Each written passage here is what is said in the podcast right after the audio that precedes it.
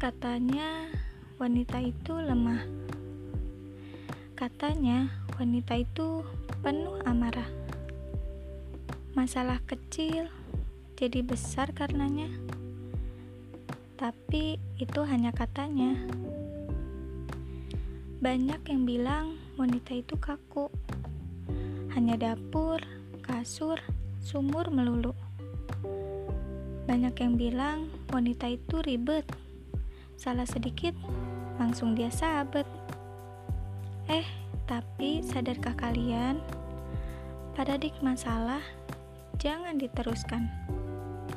Perempuan tak melulu seperti perkataan yang tak bertanggung jawab macam bualan.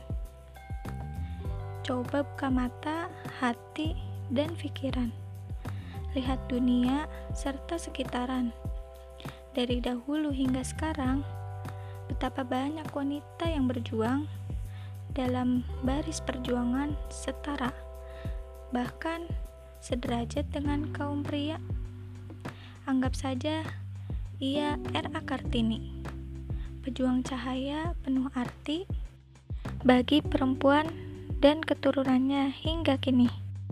Jadi, jangan remehkan kami ya.